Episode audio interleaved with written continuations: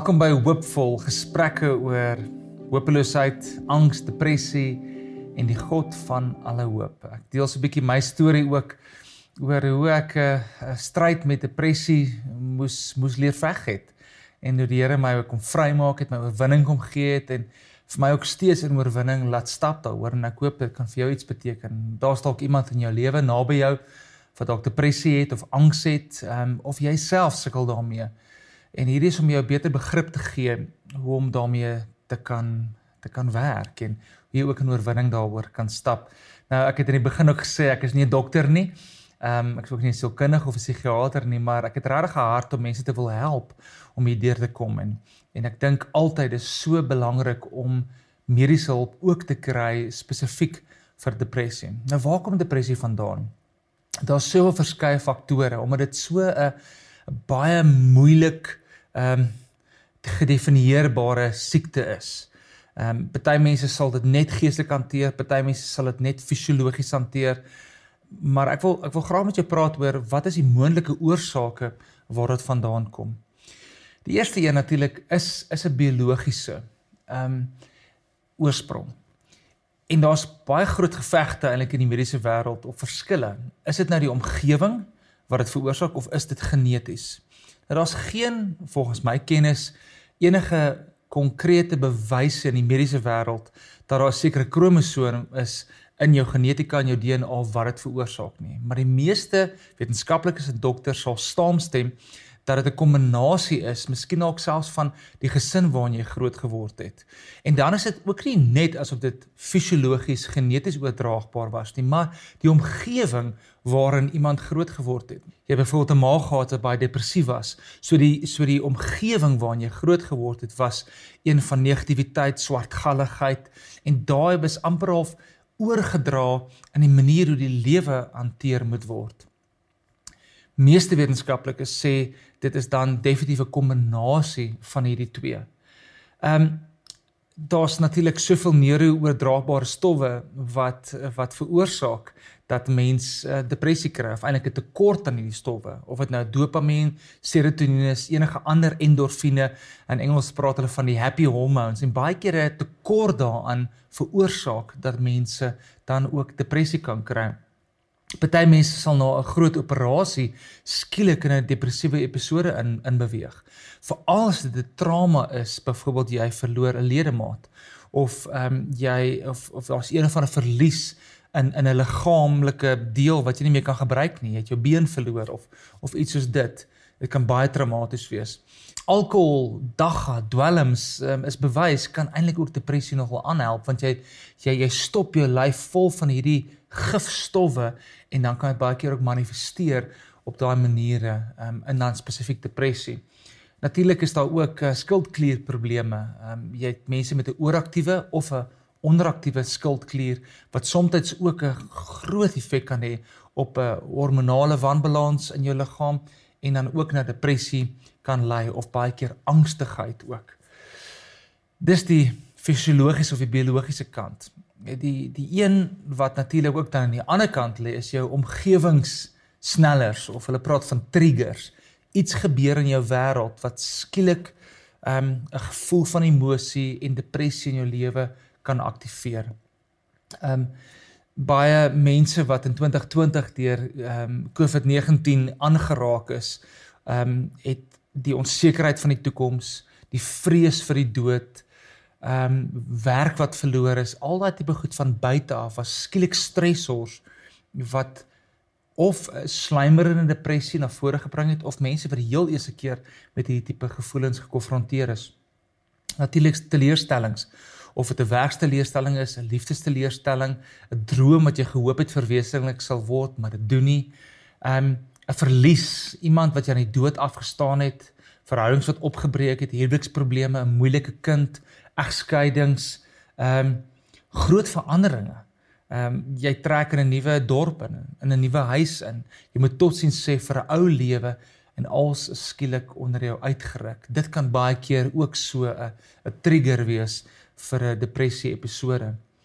Ehm um, dan natuurlik hoë spanning, veral wanneer finansies ter sprake is. Veral vir mans. En onthou mans sal baie anders ehm um, in depressief baie keer manifesteer.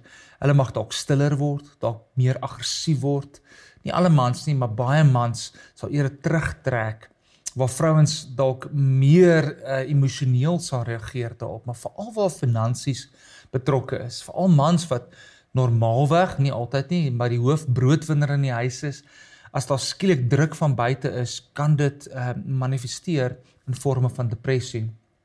Uitbranding is 'n groot een, mense wat hulle self oorwerk, uh baie lang ure werk, min slaap inkry en al meer net spiraal in die gat in. Selfs 'n plek waar mense baie keer doelloos is oor wat is my doel in die lewe? Ehm um, hoekom is ek hierso?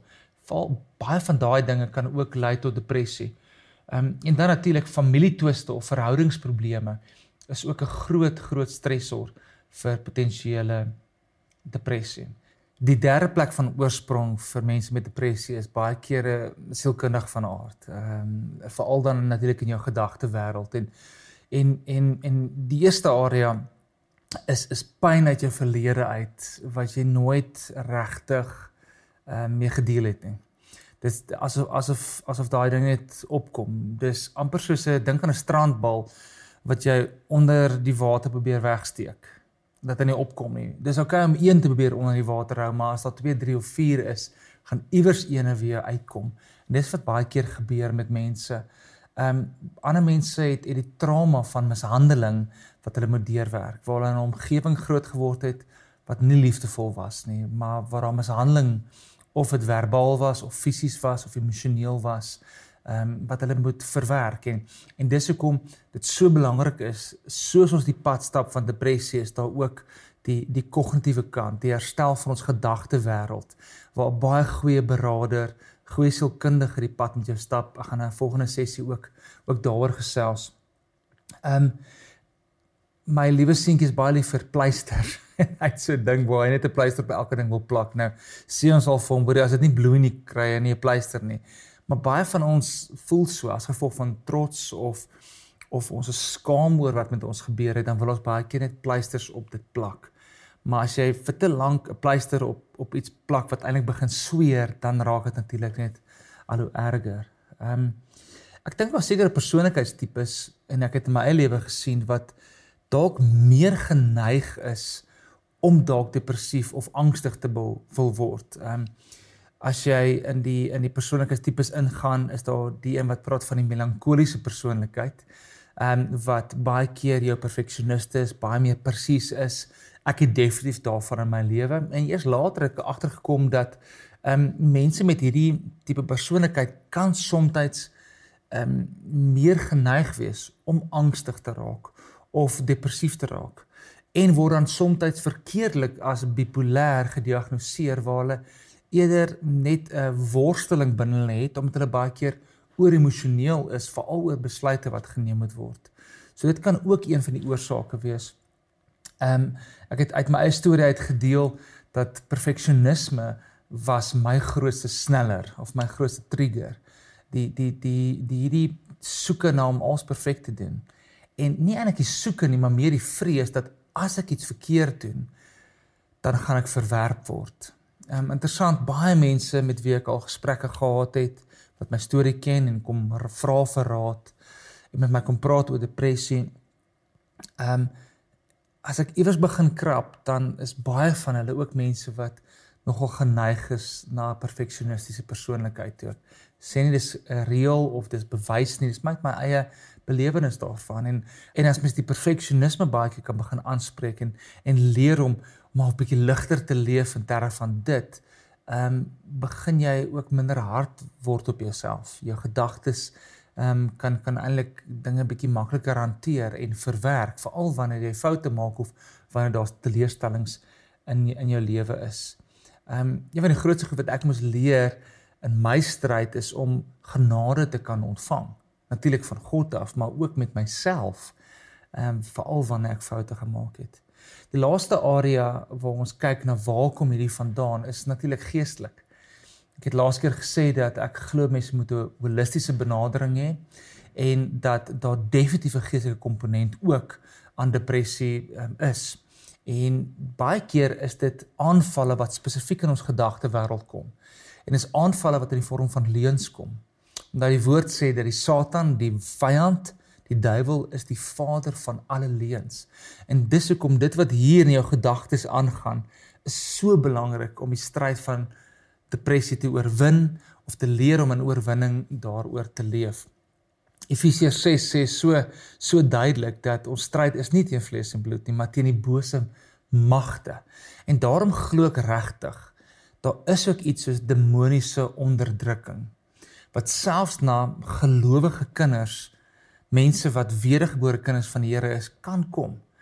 Ek glo daar's 'n verskil tussen demoniese besetting en demoniese onderdrukking.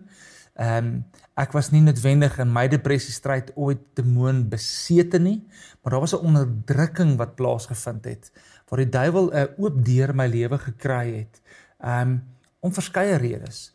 Ek onthou twee insidente in my stryd met met depressie waar daar een aand wat ek my bed gelê het en dit het ek al baie gehoor waar iemand sê dit voel asof iets pik swart so bo op jou kom sit en so op jou op jou op jou hart kom druk en half amper al die lewe uit jou uit wil druk of uit wil suig. Nou vir my was daai 'n uh, uh, dit was 'n demoniese aanval in my lewe. In daai oomblik kon ek die naam van Jesus uitroep. Ehm um, al was ek depressief, die naam van Jesus het dadelik daai ding laat lig. 'n Ander keer onthou ek ook saam met 'n vriend gebid het oor vrees en oor angs en terwyl ons sit en bid het dit amper half gevoel of ek wil opgooi. Dit was amper half 'n manifestasie ehm um, van van van hierdie demoniese onderdrukking. Nou, ek het nie tyd om in al hierdie goeters in te gaan nie, maar ek glo in Jesus Christus is daar natuurlik die krag dat daar geen demoniese onderdrukking in ons lewens hoef te wees nie. Waar mens kan bid vir dit. Ehm um, en dis ook die autoriteit wat die Here vir ons gegee het. En um, baie keer kan dit dalk gekom het in ons lewens in deur 'n sondige patroon Dit kan ehm um, gekom het deur groot trauma of ongeneesde wonde uit ons verlede of selfs vloeke wat dalk oor mense uitgespreek is. Nou ek wil jou glad nie bang maak as ek dit sê nie.